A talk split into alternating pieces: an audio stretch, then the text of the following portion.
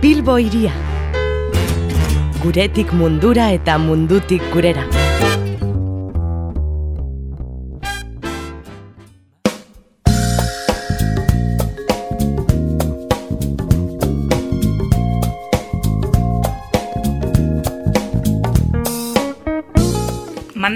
Hipermodernoak egungo inertzia zalantzan jartzen liburuaz. Mintzatuko gara datosen minutuan eta bilboiria irratian Inigo Martinez Peñak argitaratu berri du, saiakera daukagu, ez bai da e, atalean elkar argitaletzeak argitaratu berri du. Emeretzi mandamenturen inguruan hitz egiten digu, hausnartzeko bueno, ba, kontu asko ekartzen dizkigu, eta gaurkoan arratzalde honetan, ba, gurera batu zaigu, hau parratzaldeon inigo? Bai, geixo, arratzaldeon. Bueno, e, mandamentu hipermodernoak emeretzi batu dituzu, e, bueno, mandamentu hauek e, e, zer, bueno, zer kontatzen diguzu?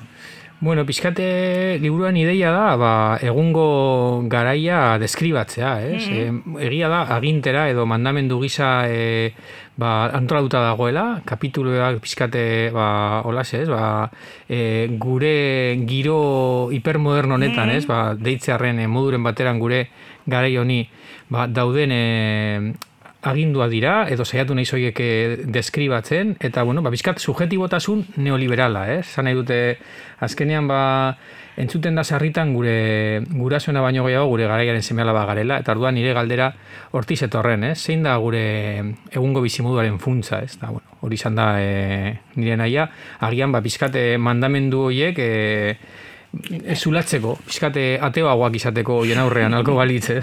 Eta entzulea pixka bat kokatzeko ere mandamendu batzuen izenburuak ere esango ditugu, ez? Jakiteko sartazari ganen, ez? Bila esazu berriena, bidai esazu, esazu galdu denborarik, neurre esazu bizitza, eta lokoak, gure eguneroko bizitzan hartzen ditugun, ez dakit, egin behar askoren inguruan, hausnartzen jartzen diguzu irakurlea. Bai, pixkate autoexigentziak izango lirateke, ez? E, ba, uste dute oso bizimodu exigentea pairatzen dugula. Mm bada e, filosofo korear bat, e, biuntzul janek, diola, gaur egun, e, gero eta gehiago, klase borroka baino, barne borroka daukagula, ez? Mm Autoesplotazioa, ez? Eta orduan, ba, gu ere, gure bizitza enpresa balitz, nola kudeatu behar dugun, eta nola e, etekin atera behar diogun, eta orduan, bueno, pixkate ideia hori da, gero, ba, gure eguneroko bizitzan, nola txertatzen diren e, mm ez? Mandamendu gisa, ez dira amar mandamenduak, e, badira, hogeita garren mendeko mandamendu hori neoliberalak esango nuke, eta amar baino gehiago, segure gizartean tendentzia da, gero eta gehiago, gero eta gehiago eman, gero eta gehiago egon, orduan, bai, gero eta egin behar gehiago jartzen dizkiagu gure buruari, Hori da, eta hori buratu zaizkit, baina, bueno, orain e, ba, irakurri berri duten lagun batzuk ere esan diate, jo, eta e, hau ere, ba, egon ziteken, eta hau ez aizu buratu, eta, bueno, egia da, zentzu hortan irekita dago, ez, e, mandamenduen zerrenda, ez, hori txarrez. E, zalantzan jartzen duzu ia guztia, ez, e, mandamendu guztia hauekin?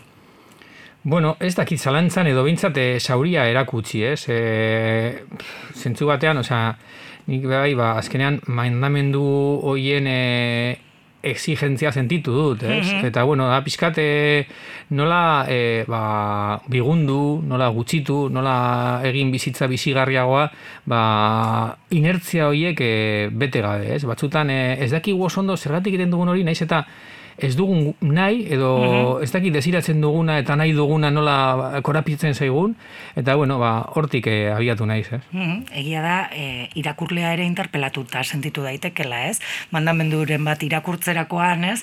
Ba, inkonstinteki gu ere, ba, hor sartuta gaudelako irakurle moduan, diot. Bai, bai, hori pentsatzen duen, ez? Ahots hori mandamenduen ahotsa nun kokatzen da, ez? Mm -hmm. Merkatu azetorkian burura, baina ez da nahiko impertsonala da, ez? Eta uste dute... Ez da boterea, ere, ez dakit da... Mm, bai, bai, giroko kontua, ez? Bai. E, e, zitzaidan, aurrekoan, e, egunkari batean, agertu zela justo e, liburuen e, reseña bat, eta e, zegoen e, txardo jarrita mandamendu izenburua. Mandamendu hipermodernoa beharrean, mandamendu hipodermikoak. Eta, bueno, ba, bapatean, bapatean bentsatu nuen, behitu, ba, gure asal azpian e, dauden zentzu batean gu osatzen gaituzten e, mandamendua dira, ez? E, mandatu hipermodernoak ere izan aldira, ez? bai, bai, bai. E, bueno, idatzita daude meretzi kapitulu hauek, e, ez dakit, errez irakurtzeko, e, umorea eta ironia ere erabiltzen dituzu, ez? Eta, bueno, ez dakit, azkenean erakurleak ere interpelatuta sentitzen da, baina, bueno, e, barre ere egin dezake, edo, bueno, irriparre. Bai, bai, ez dakit, igual, hori, umorea saiatu bai, baina igual gehiagi izatea da, ez? Ironia, sarkasmoa, batzutan hori dago, e, ba, pentsatuz esan bezala, ba, umoreak beti, e, ba, mandamenduen aurrean e, izan daitekela arma on bat, ez? Eta pizkate ba, esan bezala ba, arnazgune gisa mhm. umorea. Baina oso zaila egiten zaite umorea egia san, eh? Naiz eta mhm. hortik alegindu naizen, uste dute errezagoa dela drama eta tragedia orokorrean, edo horri buruz kontatzen astea zeo zer, e, ba, ez dakit, umorea erabiltzea baino. Orduan, bueno, ba, hori dago pizkate nahi bai, baina ez dut uste lortu dani. Mandamendu hipermodernoak eta hipermodernoa jarri duzu.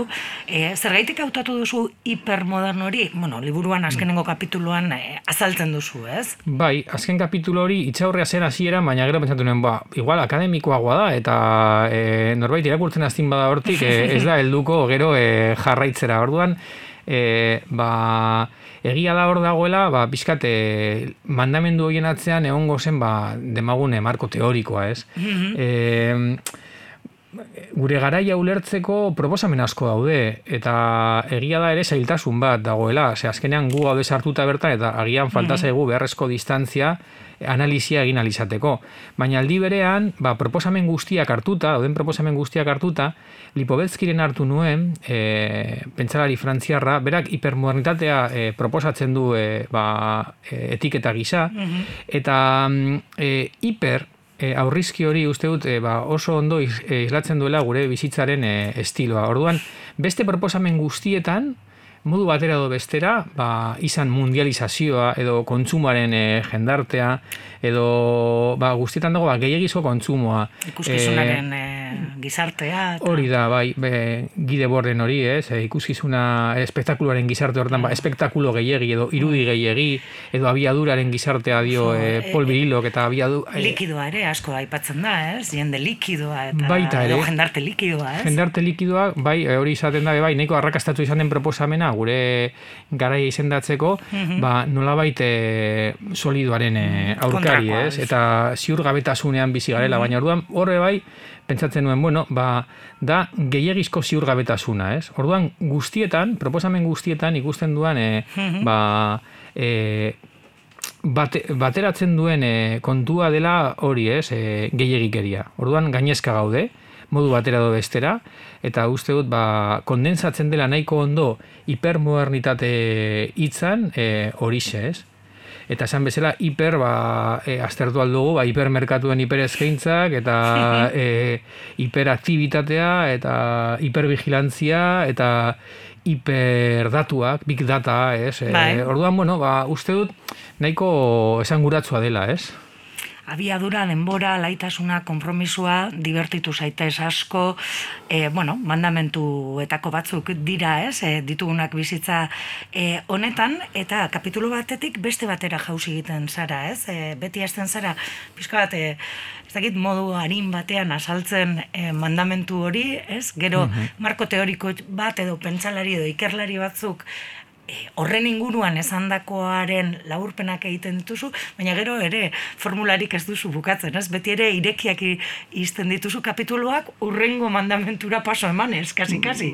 Bai, e, pixkat, ari bat, ez? Azkenengo, mm. ba, nola baite, jarraipen batekin e, egitea e, buratu zitzaidan, pixkat, relato gisa, baina apur bat hipertestuaren ideiaren aurka, ez? E, mm Gaur egun asko dauzkagu ba, multitasking horretan e, irakurtzen gaudenean e, ordenagailu horrean ez daki zenbat zabalik eta ematen du ez da ez daukatela bat eta bestean arteko e, erlaziorik ez dagoela mm eta orduan pentsatzen duen, bueno, ba, ondo dago argumentazioen aria jarraitzeko alegin hori egitea behintzat, ez? Mhm. Eta bueno, ba, hortik e, aritu nintzen eta bueno, hori izan da aria, ez? E, testu, testuaren e, metafora hori, ez? Ba, testil edo horti atore, ez? Ba, jostea, eta orduan, ba, pizkate idaztea bai dauka jostearekin e, zerikusia, eta bueno, ba, puntuak ematen hor, ez? Erantzunak bilatzeko, e, irakurleak bera bakarrik. Egin beharreko Bueno. ariketa izango da. Bueno, ez, eh, ez que, claro, erantzunak edo, ba, jakin badakigu ez dagoela e, guztiontzako e, Erantzun erantzunik, ez? Eta, eta bizitzeko formularik, ez? Orduan, bueno, bada gehiago, ba, igual, e, pairatu o sufritu alditugun e, mandamentu, e, supernia, ez? Ba, psikoanaliziatik hartuta, ba, egungo supernia edo zen izango litzateken, eta, bueno, ba, hori behintzat e, mai gainean jarri, eta agian, ba, ez dakit, e, sufrimendua partekatzearekin batera, ba, e, lo- lortu daiteke, e, oiek pizkatze bat e, bigundu, ez? e, erantzun gisa, mm, egia da, ba, tendentzia, hiper horren tendentzia denez, askundea eta askundea eta askundea etengabea. Hori eraman da gure bizitzen esparru guztietara. Ba, niri e, erakartzen hau desaskundearen ideia, ez? Eta ze punturaino ere desaskunde psikologikoa honekin nahikoa daukat. Nun jartzen dugu pizkat e, muga, ez? Baina, bueno, hori gehiago galdera gisa botatzen dut bai. Hortxe usten dugu. e, koronavirusa ere e, e, aipatzen duzu, ez? E, presente dago liburuan, eta orduan, ba, bueno, galdera etorri zaigu, ez? E, e, lan hau suposatzen dugu pandemia aurretik e, abiatu zenuela, baina ez dakit gero gertakari guzti hauei e, etorri dira eta bueno, ba baita ere gure bizitza hankaz gora jarri dute eta gian mandamentu batzuk azken urtean ezin izan ditugu egin, ez? E, bidaiatu, bidaiatu, bidaiatu.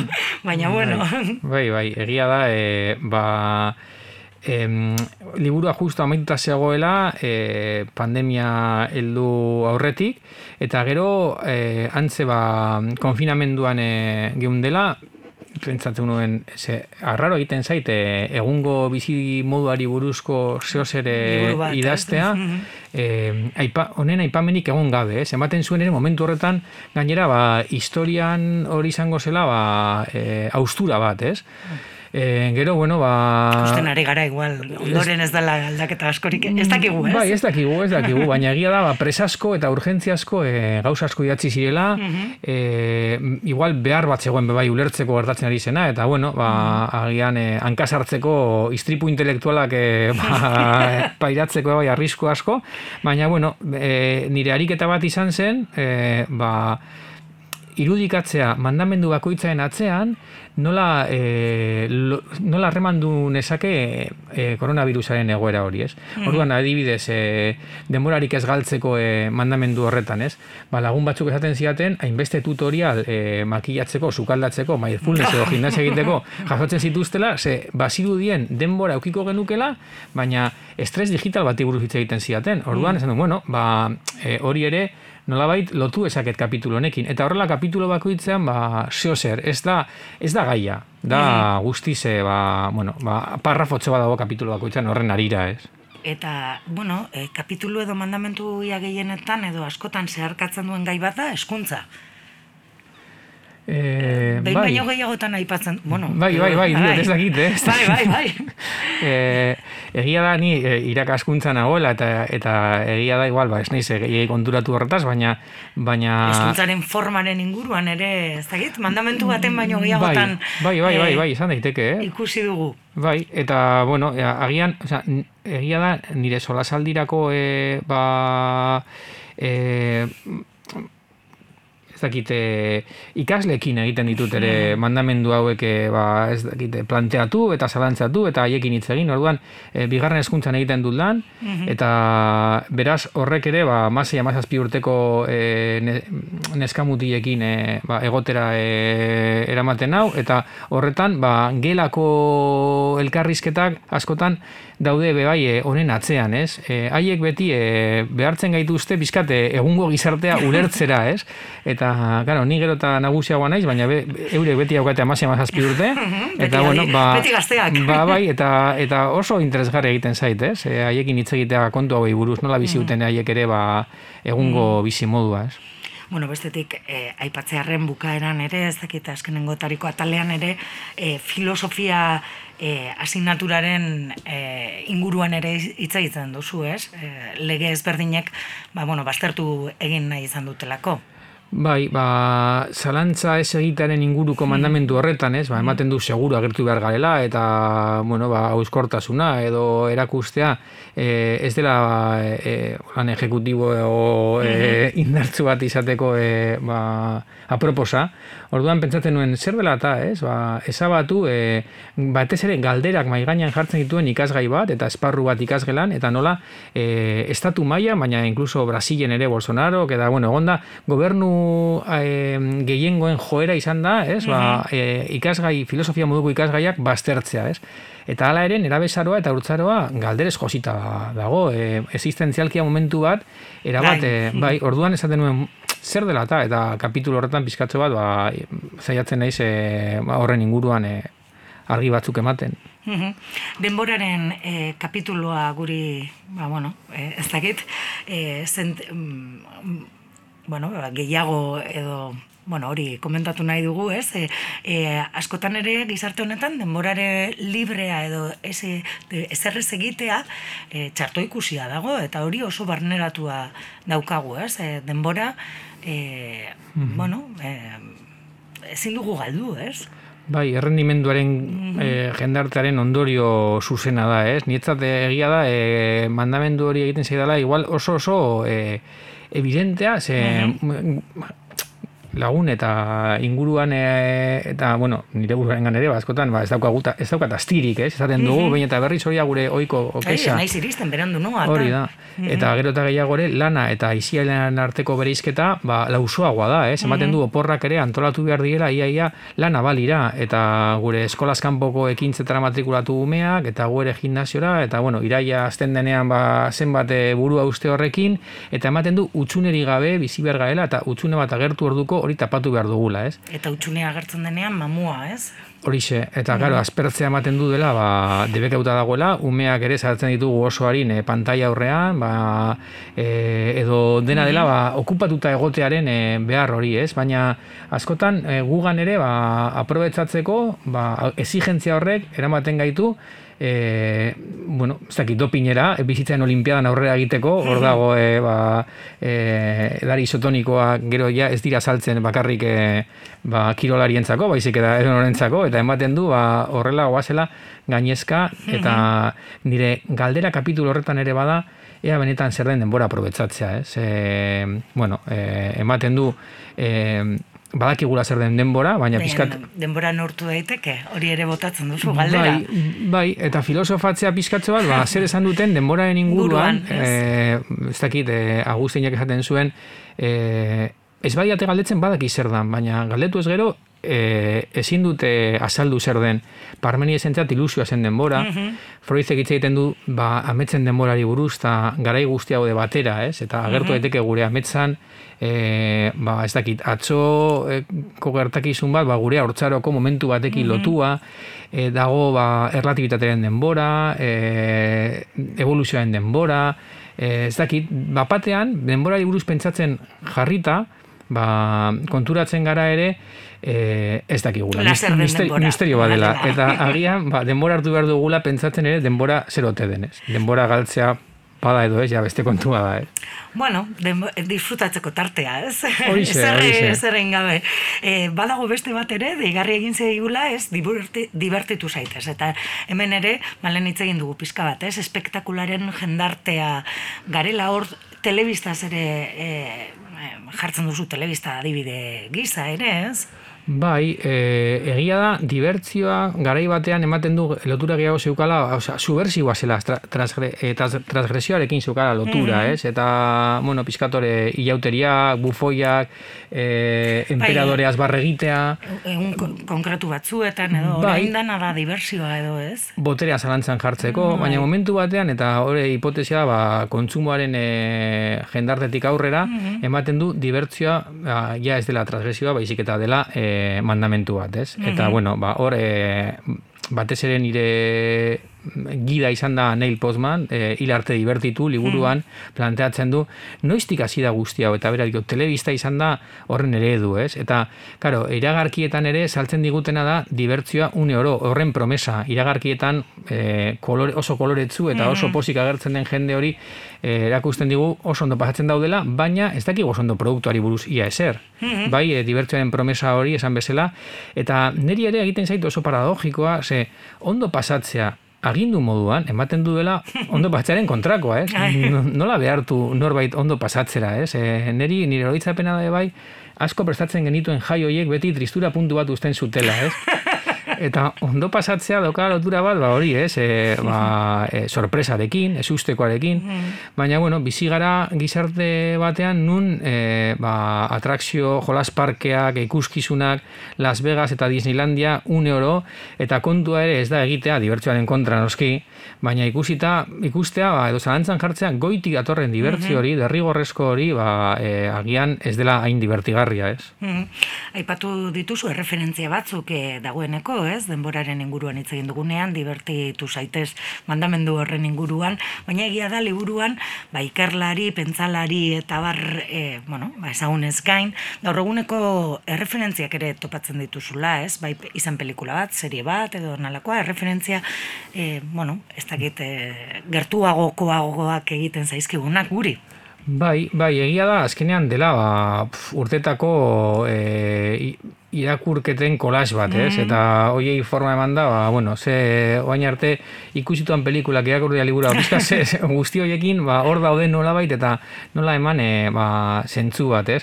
Egia da ere, eta hori aipatzen dute liburu hasieran, e, gure aita hil zenean, ba, e, hasi nintzela, pizkat, e, irakurtzen egungo soziologi buruzko liburuak. Momentuan ez nekien zergatik, zer behartzen induen hori irakurtzera. Gaur egun idazten duten horiek, ez? Bai, bai, bai, Mhm. bai. E, zenet eta bauman eta horrelakoak, ez? Eta halako behar bat, hoien inguruan aritzeko, eta, eta gero urtekin konturatu nintzen, ba, ba horre bai, ba, e, bueno, ba, aita eta nire arteko gaizki ulertu batzuk, e, ba, modu maitagarriagoan ulertu nahian, ez? Belaunaldien arteko austura hori. Orduan, bueno, ba, horrek bultzatu ninduen be bai, e, irakurketa batzuetara, eta, bueno, egia da, aita hartzaia zela, esen bateri hipermodernoa eta beste sufrimendu batzuk zeuden, gurea dira ezberdinak, ez du nostalgiko jarri nahi eta esan ba, ze bukuliko eta ze ondo bere garaia eta ze txarra gurea, ez da hori, baina da, garai bakoitza, belamaldi bakoitza dauzkan, e, ba, e, bueno, inertzia horiek, e, ez dakit mai gainean jartzea eta agian egia da gaur egun gero eta zailagoa dela belaunaldien arteko elkarrizketa. Ze, lehenengo mandamendu horretan agertzen da innobatzeko beharra, ez? Ematen du Bai. une oro innobatu behar dugula. Eta arduan, ba, ez dakit, aurreko belaunaldiekin jartzen gaitu, urruntzen gaitu horrek, ez? Eta arduan, ba, bueno, horrek ere, ba, keska gisa, eh, eraman hau ulertzen saiatzera e, zer dela eta hori eta nola mantendu bizirik e, solasaldia bai belaunaldien artean eta bai e, bueno, ba, lagun artean orokorrean, ez? Aipatu dugu denbora, divertitu egin behar garen hori ez, espektakuloa jakin barik eh, oso ondo nola den hori, baina soniontzua izatea ere da oso importantea ez, e, bizi dugun gizarte honetan. Ezin Bai. duzu hortik ibili esaten triste zaudela. Bai, baina mandamendu moduan zoriontasuna oso deprimentea da, ez? egia esan, e, bueno, neri hor, e, ba, ba, ikusten nuen gero eta gehiago, ez? Enpresa mundutik, bazetorrela, gai moduan zoriontasuna.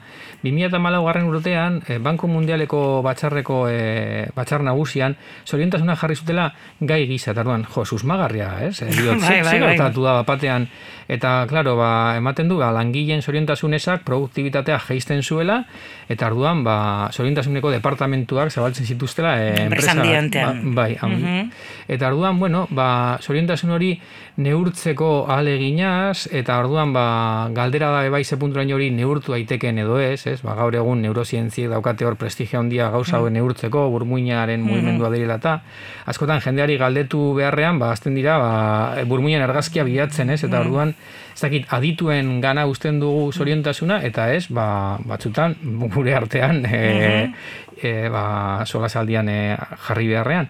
Baina, bueno, kontua hor egiten zitzaidan bebai, e, zoriontasuna e, rankinetan ere agertzen dela asko, eta hori ere da beste datu bate nietzate harrigarria, nola mundialito gisa agertzen diren ba, herrialde ezberdinen arteko e, herrialde dan, hori eh, hori albiste izaten da. Bai, bai. Mm, Ez dakit ze herrialde, da soriontzuena. Bai, Da, no, zergaitik, nork edo, nola? Bai, bai, bai, Dakizu bai. hori, ez? Bai, ba, normalean, karo, kontua da, e, hori egiten dela, barne Produktu gordinaren inguruan, Hori da, orduan, so- arabera. bai, orduan soriontasuna lotzen zaigu, Diruarekin. konsumo mailarekin, ez? Finlandia gertu zen 2018an lehenengo, Burundi azkenengo, eta, bueno, Baumanek esaten du, ja, baina e, erosten dugun hori baldin bai antidepresiboak, edo erosten duguna baldin bada e, ba, ura e, kutsauta dagoelako eta behar dugulako ura e, erosi, horrek ere mugitzen du dirua eta horrek egiten gaitu zoriontzuago, ez du ematen, ez? Orduan, bueno, uste dut zoriontasunaren kontzeptua hemen naztu zaigula diruarekin, arrakastarekin, lehiakortasunarekin, eta orduan e, ematen du zoriontzuago basaude lehiakorragoa izango zarela, arrakastatsuago izango zarela, eta orduan ba, e, konparaketa etengabea da horren e, atzean dagoen mezu izkutua, ez? E, gure artean konparaketa hori, e, ba, da, lehiakortasun hori, e, dela e, benetan, benetan pairatzen duguna eta bueno, ba, une oro konparatzen egotea infernua da. Uf. Eh, ezin- ezinezko lehia gainera Bai, bai. eta je, jendarte oso lehiakorra azkenean e, oso, ba, horrek da, dakarrena da frustrazioa eta gehiago uste dute ba, tristura, zoriontasuna baino, ez? E, hiru mandamenduren inguruan aritu gara, emeretzi dira, baina ipatu duzun bezala, irekita zaude, beste norbaitek solasean nahi badu, beste mandamenduren bat e, gure bizitzan, e, gure gizarte honetan, bizi dugun honetan, e, agian besteren bat ere badago edo geratu zaizu landu gabe. E, jo, ba... Irekita eh, zaude, ez? Gehiago jarraitzeko bai, lantzen. eh, bai, lagun batek horrek zaten, jo, segatik ez jarri e, hiper, hiperkorrekzioa, ez? Gaur egun e, hitz egiteko behar dugun, eta bueno, ba, ba ez hitzen bururatu, ez nuen, baina, claro, hiperrarekin jarrita, ba, bueno... eh, Hip- hiper gauza asko dira, hortik eh, tiraka, ba, gertu aldira gehiago, ez? Eta, bai, egia da gero, behin, eh, behin, eh, ba, liburu liburuaren eh, irakurleekin eh, topatuta, hori la oso atsegina eta gainera ikustea, nola, ba, interpretazio, eh, irakurketa desberdina dauden eta bueno, ba, ideia horiek bizirik m- daudela, ez? Eta bueno, hori posgarrian niretzako bai. Bueno, zelen liburua duzu, eta duela gutxi argitaratu da, beraz orain ari zara jasotzen ez, irakurlearen erantzuna. Bai, bai, bai, hori da. Eta Eta duela hilabete bat edo e, argitare plazaratu zen? bai, Gutxi gora bera, ez? Bai, hori da, bai, bai, bai. Bueno, holan eh, inguruko lagunak eta eta- bai, hori ze. Mhm. E, azala ere aipatu nahi dugu, Iñaki Landak egindako azala, ba, uste dut oso ondo azaltzen duela bizitza hipermoderno hau. Bai, bai, proposamena gustatu zitzaidan, hore ba, e, neurketaren e, irudia dago, e, postasun edo zorientasun bat, baina hori, ez, e, nahiko behartuta, eta, bueno, ba, bai, azala niretzat da deigarria da, ez, arreta ditzekoa. Mhm. Bueno, ba, elkarrek e, plazaratu du mandamentu hipermodernoak egungo inertziak zalantzan jartzen, Inigo Martinez Peñak idatzia, eta esandakoa, ba, gaurkoan zertzela da batzuk baino ez ditugu aipatu, baina hortxe dago irakurgai, ba, bueno, interpelatua sentitzen bagara, ba, azpimarratzeko, ez, hemen esandakoak. Iñaki, eskerrik asko gaur gurera hurbildu izanagaitik. Bai, zuriane, mila esker.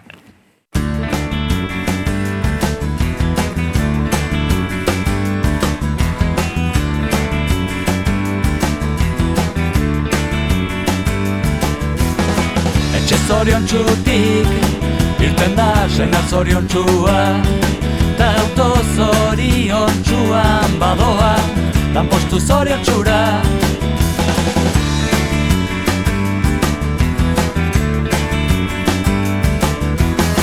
Eskola zorion txuan Utzi du alaba zorion txua. Kantu zorion txuekin piztu da Egun zorion txua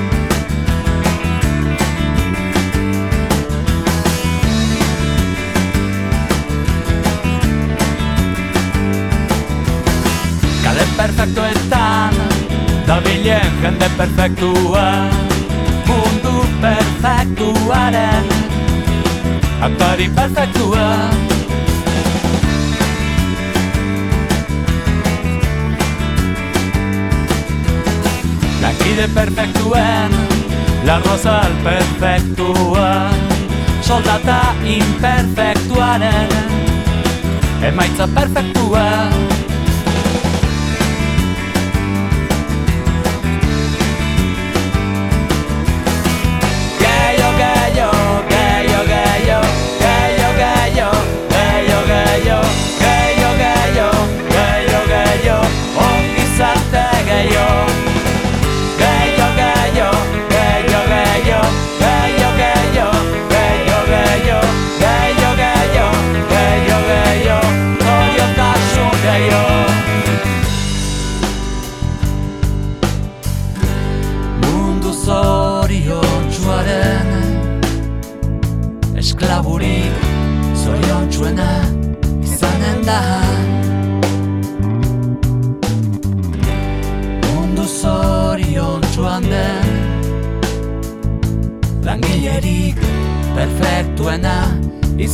night.